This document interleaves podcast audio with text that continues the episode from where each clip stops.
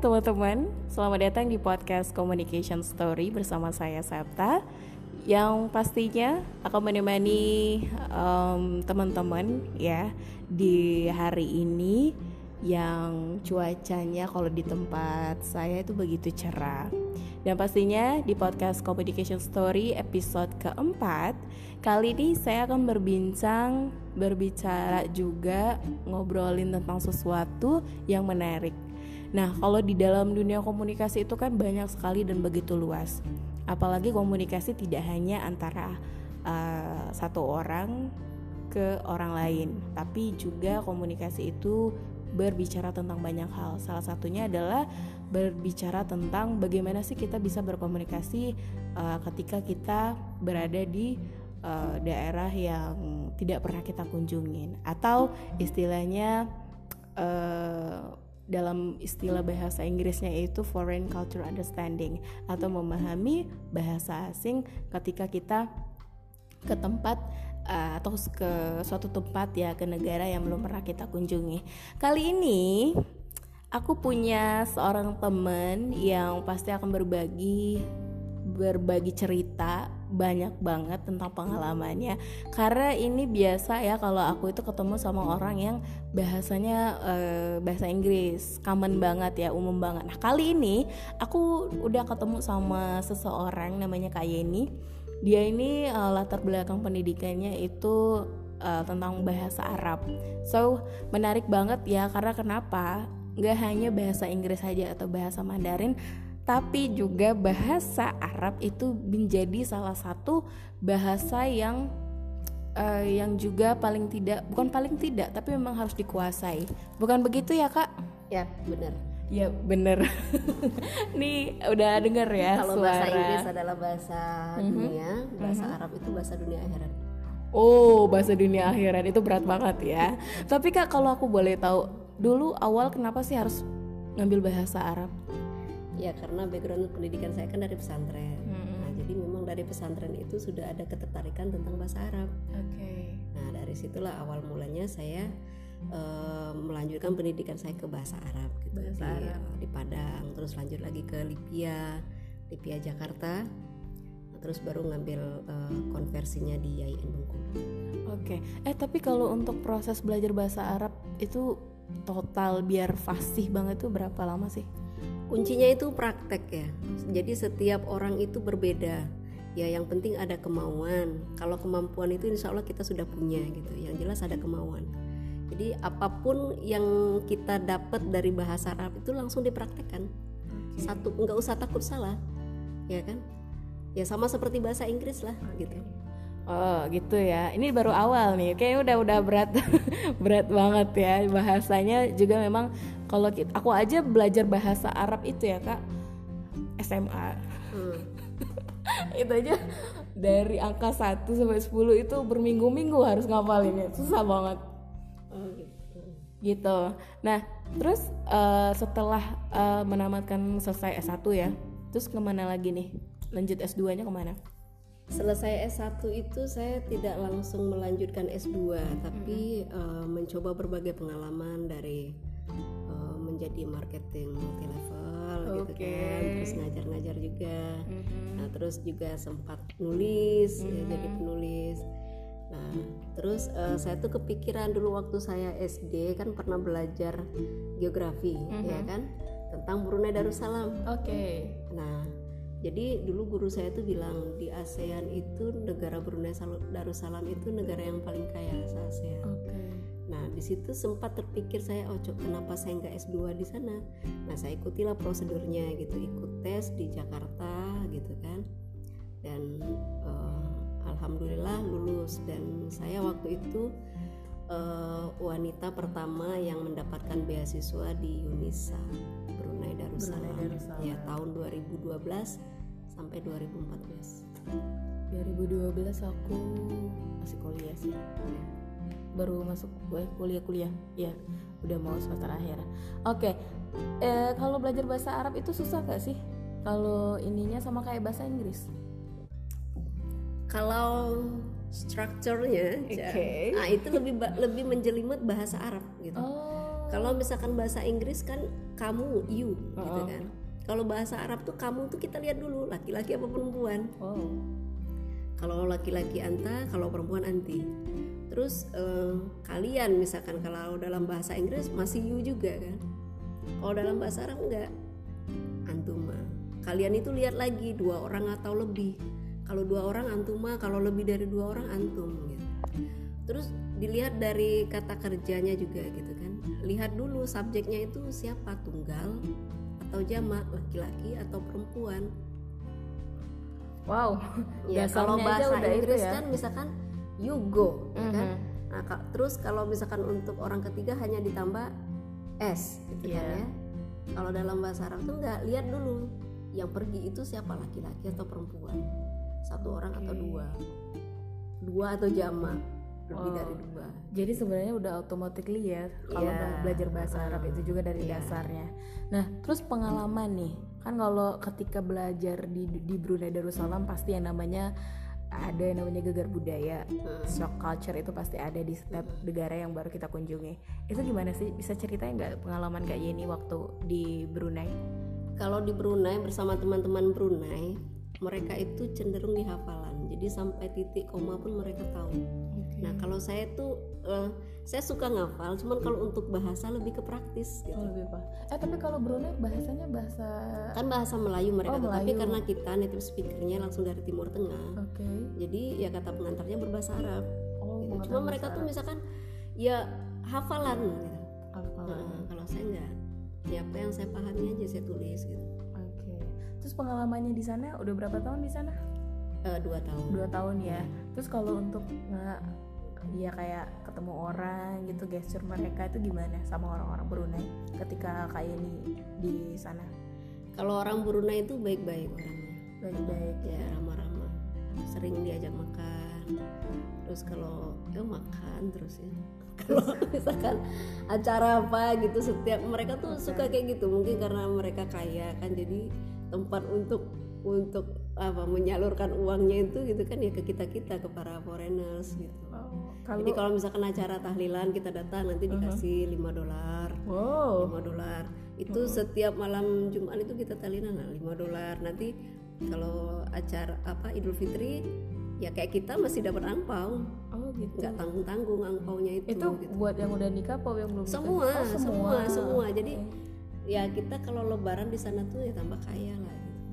Oh gitu. bulan puasa kan Sultan ngasih kurma semua kan kita dapet tapi mereka itu kalau masjidnya sepi masjid mereka itu di, hanya diisi oleh orang- orang-orang pendatang karena di setiap rumah mereka punya musola besar dan mereka ngundang orang Oh. jadi tarawih itu ngundang orang di rumahnya gitu bukan sholat di masjid nah di masjid itu dipenuhi orang-orang pendatang Oh gitu. Hmm. Jadi di setiap rumah atau orang- orang-orang tertentu aja? hampir di setiap rumah mereka tuh punya musola. Jadi Wow. misalkan eh, kayak arisan lah minggu ini di sini, minggu ini di situ, hari ini di sini, hari ini di Oh, situ, gitu. gitu bergiliran di rumah-rumah penduduk. Tapi kayak ini pernah yang kayak gitu. di Se- rumah Bukan pernah lagi sering, di Sering, rumah ya. penduduk terus, malah saya nggak pernah tarawih di masjid. Oh begitu ya mereka di sana. Iya, Terus kalau komunikasi mereka gimana? Komunikasi orang-orang campur-campur mereka tuh bahasa, Campur-campur ya. ada bahasa Arab, eh, ada bahasa Arabnya, ada bahasa Inggrisnya, ada bahasa, malah ada bahasa Rejang, bahasa kita gitu. Hah? Iya kan Bahasa bahasa, mereka itu diadopsi dari bahasa kita juga gitu. Oh gitu. Misalkan seperti ranjang katil. Katil itu kalau nggak salah bahasa selatan kan. Ya kan? Terus apa lagi? Aubah. Aubah tuh iya, bukan iya ke kalau iya iya iya kan Malaysia. Eh, Nah, kalau Brunei itu Aubah. Au au itu kan bahasa rejang. oh, Nah, iya. terus ada lagi waktu itu bini-bini gitu. Bini-bini Oh, itu ada juga. perempuan, ya perempuan. Saya ya paling ya seperti itulah. Ya misalkan waktu itu nonton eh, nonton YouTube kan. Oh, ya ini suka ya film Serono gitu. Serono itu gimana? Ya, jorok ya konotasinya Oh, negatif ya. oh, konotasinya negatif. Ternyata Serono itu bagus artinya. Oke. Ada juga kawan kan orang Brunei kan Kak Yeni, Kak Yeni Kak Yeni suka nonton wayang kah? Waduh saya pikir kan Ini orang Brunei kok suka wayang gitu kan Kita aja mungkin itu gimana gitu ya Pokoknya bukan bukan nggak mencintai budaya gitu Jadi salut gitu mereka suka wayang Ternyata wayang itu sinema bioskop Hmm, bioskop kalau Iya. kita ya. Nah, terus kalau untuk dari makanan, waktu Kak Jenny di sana berapa tahun?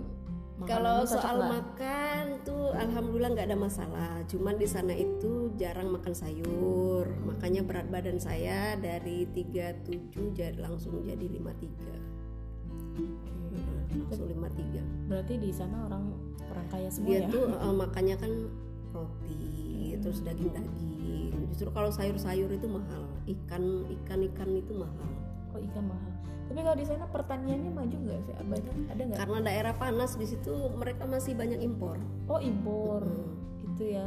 Dia termasuk inilah ya negara Daerah panas kaya. karena dilewati garis katulistiwa. Iya. Tapi menyenangkan ya kalau di Brunei. Menyenangkan karena saya putih di sana gemuk, uangnya juga banyak. Ngikut kan Oh, kalau ngikut kita semua. bergaul dengan orang kaya ketularan kayaknya. Iya sih. Tapi kalau di sana punya punya pengalaman suka duka lebih banyak duka lebih banyak sukanya di sana? Kalau dibilang duka paling kita kalau ingat keluarga aja karena namanya kita merantau gitu misalkan pas lebaran orang kumpul sama keluarga kita semua sama keluarga juga tapi keluarga orang gitu bukan keluarga kita tapi ya eh, kalau nggak nggak ada sih bisa dibilang nggak ada lah kalau yang kayak ada gitu ya? Heeh. Kalau pengalaman yang- lucu, yang kalau yang lucunya banyak jadi dulu waktu bulan Desember gitu kan kami kan libur nah jadi saya tuh diajak sama teman saya namanya Kak Nurlin ke rumahnya gitu Hmm.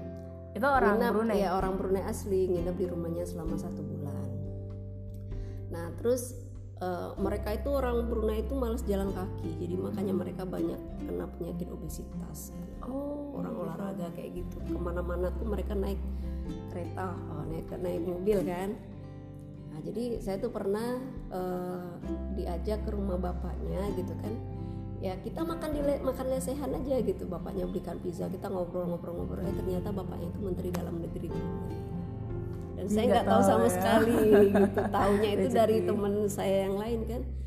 Ketika saya ngelihat pas di ruang tamunya itu banyak foto-foto kepala negara dari berbagai dunia kan. Dari berbagai negara itu. Nah dia bilang oh ini ya masa kamu nggak tahu dia ini itu apa menteri dalam negeri? Ya ya udah. Kalau kita Cipehin Badarudin kalau mereka nggak teman kan, protokoler. Mereka nggak memang nggak protokoler ya maksudnya ya rumah mereka tuh kan eh, kalau menurut saya untuk ukuran menteri ya biasa aja gitu kalau di sini kan megah-megah kalau ya. di sini kan megah-megah kelihatan orang yang kaya tuh kayak gini nah di sana tuh nggak nggak kelihatan karena memang bangunannya itu nggak boleh lebih tinggi dari kubah masjid ya agama religius banget ya berarti di sana ya. iya Kalau masalah kayak pakaian di tempat-tempat apa kayak diskotik, diskot, Nggak tempat ada. kafe-kafe gitu Nggak ada. ada ya. kalau kafe kafe ada tapi kalau diskotik itu Nggak ada. Berarti tentram dong di sana. aman tentram kalau untuk menghabiskan masa pensiun bagus sekali Bagus ya di ya sana. cuma kalau misalkan kayak orang Indonesia yang suka ribet gitu enggak Tapi di sana lebih transportasinya pakai apa? Ah itu itu dia tuh Pak pengalaman juga. Jadi saya pernah ngurus eh, ke imigrasi mau memperpanjang masa tinggal itu kan. Jadi pergi jam 8 jam 12 tuh udah nggak ada lagi transportasi umum. Hah? Nggak ada lagi karena orang pakai transportasi pribadi kan. Iya, iya. Nah, jadi ya kayak ngegembel lah di tengah jalan tuh nyetok-nyetok mobil. Aduh, siapa yang mau nganter? Siapa yang nganter kayak gitu. Oh. Jadi ya ya ramah-ramah lah kita cerita ke orang, cerita ke orang saya mau pulang ke sini mau.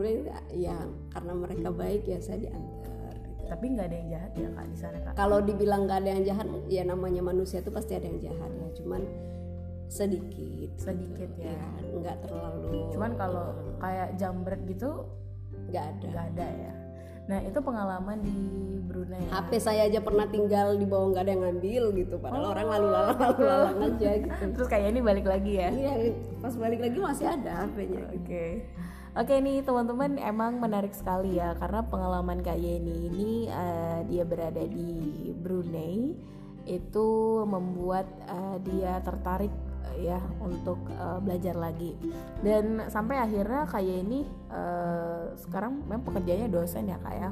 Dosen terus juga sudah melanglang buana melanglang buana ke negara-negara yang lebih ke timur ya lebih yang eh, lebih yang ke negara yang memang mayoritasnya muslim seperti Arab gitu kan. Terus kemarin juga kak Yeni juga pernah udah Turki. Itu Turki itu banyak banget yang mau kak Hmm. itu gimana ceritanya bisa ke sana? Ya eh, saya tuh ngirim tulisan gitu ya jurnal gitu. Nah setelah diterima dapat undangan. Nah ada juga kadang-kadang mereka yang memfasilitasi semua gitu dibiayain semua kayak gitu. Tapi kak Yeni kalau misalnya ke sana itu mostly pakai bahasa apa? Bahasa Inggris apa Arab? Kalau ke Turki Turki itu mereka eh, baru-baru sekarang ya mereka tuh belajar bahasa Inggris. Nah, jadi nasionalismenya tinggi gitu kalau di Turki Nah, cuman di Turki itu kebanyakan orang Suria, orang Suria yang mengungsi di sana, jadi bahasa Arab. bahasa Arab jadi nggak terkendala ya kak ya Nah, Alhamdulillah nggak terkendala. nggak Tapi terkendala. memang kami pernah ketinggalan bus gitu kan. Ketinggalan bus dari hotel itu kami pergi ke mana gitu berdua teman saya saya pergi.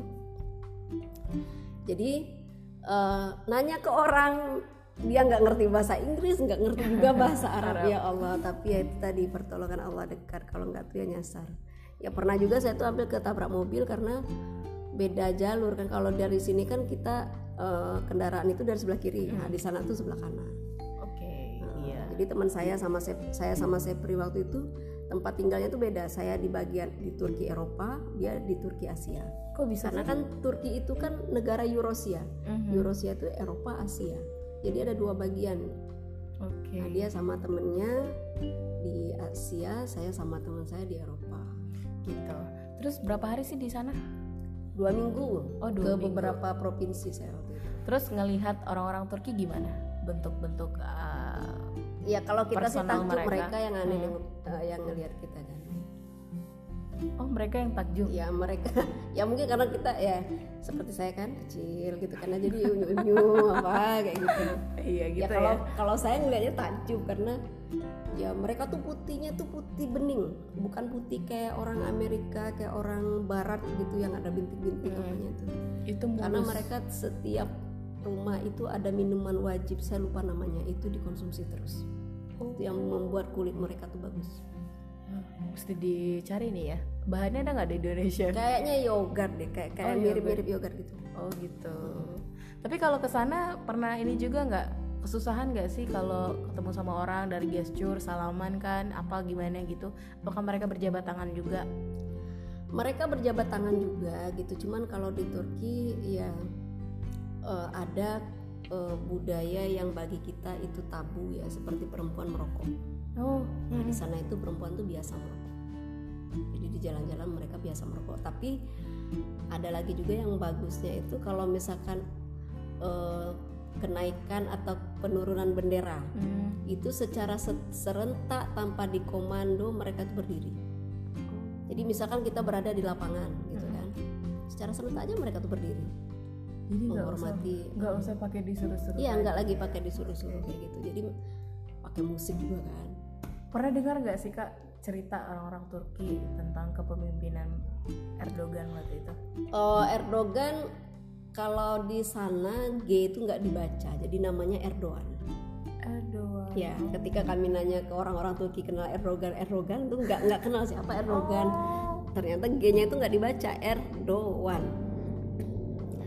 Nah itu mereka jarang me- apa apa menempelkan ya maksudnya tuh foto-foto Erdogan itu jarang terlihat justru yang yang banyak di jalanan di ruang-ruang itu foto Ataturk ya mereka sangat mengagumi Ataturk Oke, ya. gitu. Terus berarti kayak ini ke waktu itu jalannya ke Hagia Sophia gitu ya, Iya. ke sana. Hmm, Tapi waktu itu belum jadiin belum jadi masjid masjid kan. Hagia Sophia ya banyak lah ke alanya juga Tapi kalau untuk cuaca dingin gak sih walaupun panas? oh dingin waktu Dingin itu ya? lagi dingin dingin pakai banget gitu dingin Dinginnya pakai jaket. Heeh, dinginnya pakai banget Oke, itu nah selama itu yang membuat saya tuh berapa hari nggak mandi mandi nggak berani nggak berani. Eh tapi kalau makanan di sana gimana? Cocok nggak sih? kalau saya tuh mungkin karena eh, background saya pesantren ya. Pesantren itu Makan apa aja? makan apa aja. Jadi ya cocok cocok penting aja halal ya. gitu, penting halal. Jadi memang ada cerita lucu gitu kan. Nah, teman saya si Sepri ini si Sepri lagi. Kenapa jadi dia tuh ya kangen dengan masakan Indonesia gitu Oke. kan. Jadi kami tuh menelusuri pasar gitu kan. Di sana kendaraannya tuh gak berbunyi Hmm. kendaraan listrik kebanyakan. Oke. nah jadi menelusuri pasar adalah ikan emas ikan-ikan yang disambal kayak gitu kayak di rumah-rumah warung padang gitu kan.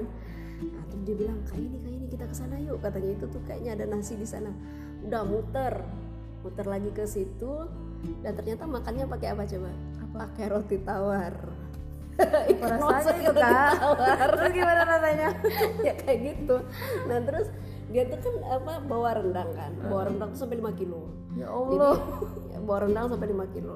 Jadi saya bilang kamu mendingan tinggal di hotel daripada tinggal di tempat teman. Bukannya apa gitu maksudnya lebih lebih privasi gitu kan. Nah terus dia masih ke tempat temennya ternyata temennya ini tinggal sama orang-orang Afrika gitu. Hmm. jadi yang tadinya maksudnya mau hemat ya 5 kilo ya sekali duduk habis. habis. Banyak kan. gitu Tapi itu cerita-cerita tentang ke Turki ya. Terus gimana cerita ke yang ke Dubai? saya ke Dubai pernah pikiran saya tuh sampai kayak udah mati udah mau mati aja di sana. Karena apa? Waktu itu cuacanya memang panas gitu kan. Em, 45 derajat gitu kan. Kalau kita kan paling panas 32 ya 32 33 nah, jadi di sana itu debunya itu debu batu. Hmm. Debu batu sampai membuat hidung saya tuh berdarah mimisan Oke. jadi ya pikiran saya tuh udah aneh-aneh aja waktu itu kayaknya aduh ya Allah mungkin jangan-jangan saya udah mau meninggal di sini atau gimana gitu kan udah banyak tisu itu habis gitu itu itu karena cuacanya di sana Cuaca. Tapi kalau orang-orang di sana nggak pernah nggak ngalami- ngalamin pelecehan atau gimana di sana? jadi pernah waktu itu kan kita Dubai itu agak-agak mirip dengan Brunei ya maksudnya kalau kendaraan kendaraan umum itu jarang gitu. Orang banyak pakai kendaraan pribadi gitu kan. Nah jadi ketika saya dari hotel itu jauh jalan terus ada taksi. Mm-mm. ada taksi dia ngelihat saya berdiri di situ dia suruh masuk. Terus? Ya dia tanya-tanya lah. Saya bilang saya mau ke hotel Saffron. Nah, terus ayo masuk katanya. Terus saya bilang ya tapi saya sama teman saya pas dia lihat teman saya laki-laki dia langsung kabur oh gitu. ya Berarti- mungkin kalau eh, Tapi bener berarti kalau ke sana harus sama pasangan paling enggak ya. ya paling nggak seperti itu atau atau ya kita harus pinter-pinter lah Tapi tingkat kejahatan di sana juga tingkat kasus-kasus. eh, Oke. Terus kalau sama orang-orang mereka mereka gimana? apanya Dari segi ngobrolnya, ada nggak gestur-gestur yang salah artikan sama orang-orang? Ya selama ini mungkin karena saya sudah terbiasa di Brunei itu bergaul juga dengan orang-orang Arab gitu kan jadi nggak ada.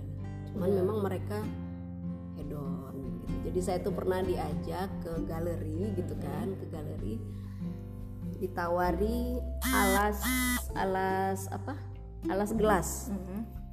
itu harganya berapa alas gelas itu 25 juta Ya Allah.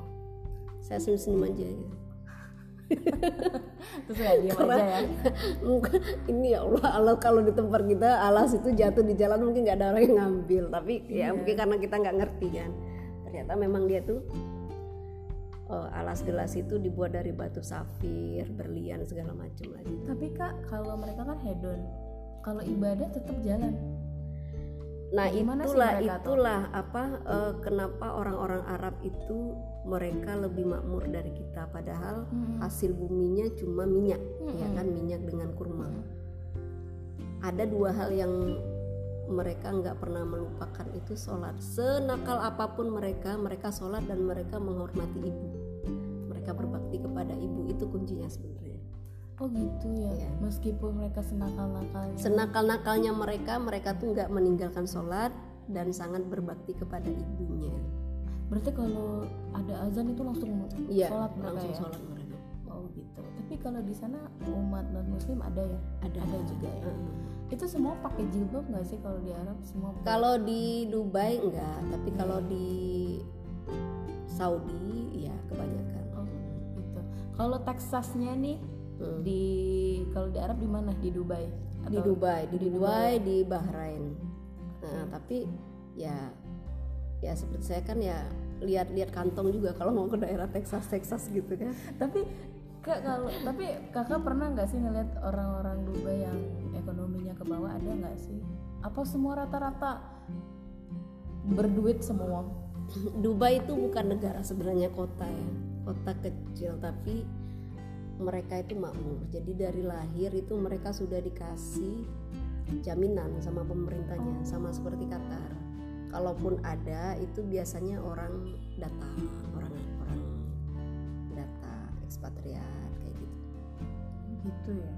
Jadi jarang lah ya kalau penduduk aslinya Iya yang jarang penduduk aslinya. Karena mereka berobat gratis sekolah gratis malah dapat beasiswa kan semua semuanya. Tapi kalau jabat tangan? Saya aja waktu waktu ke Dubai itu saya didanai oleh orang Dubai malah. Jadi saya tuh punya teman orang Dubai. Mm-mm. dia tahu saya mau ke sana tapi dia lah sedang ke Amerika karena ibunya sakit. Mm. jadi dia cara dia menjamu saya itu dengan eh, membayar hotel. Hotel untuk saya itu selama berapa hari di sana. Enak ya. Dan transportasi tentunya. memang kalau orang orang Arab itu mereka dermawan sangat dermawan. ya sangat dermawan sekali. Terus kalau untuk salaman kak sama tetap ada Jabat juga, juga nggak eh, enggak enggak enggak mau jabat. Nggak mau jabat maksudnya sejauh ini teman-teman saya yang orang Arab itu nggak menjabat. Nggak berjabat tangan tapi kalau sekarang ngelihat banyak sekali kan berita-berita tentang eh, Arab yang Mm-mm. sekarang mau dibolehin apa sih ke bioskop gitu. Mm-mm. itu gimana? Sekarang kalau melihat perbedaannya. Ya itu kalau waktu pernah saya di Madinah ya maksudnya. Ya secara kan Madinah itu kan kota Nabi tapi saya kaget waktu itu pernah melihat wanita sana Hmm. tepat di depan pintu masjid pintu apa Eh, masjid pintu masjid Nabawi Oke. itu pakai ini nggak hijab pakai hijab tapi kelihatan rambutnya Oh, gitu. gitu. itu yang apa maksudnya miris kita kan gitu maksudnya Mhm.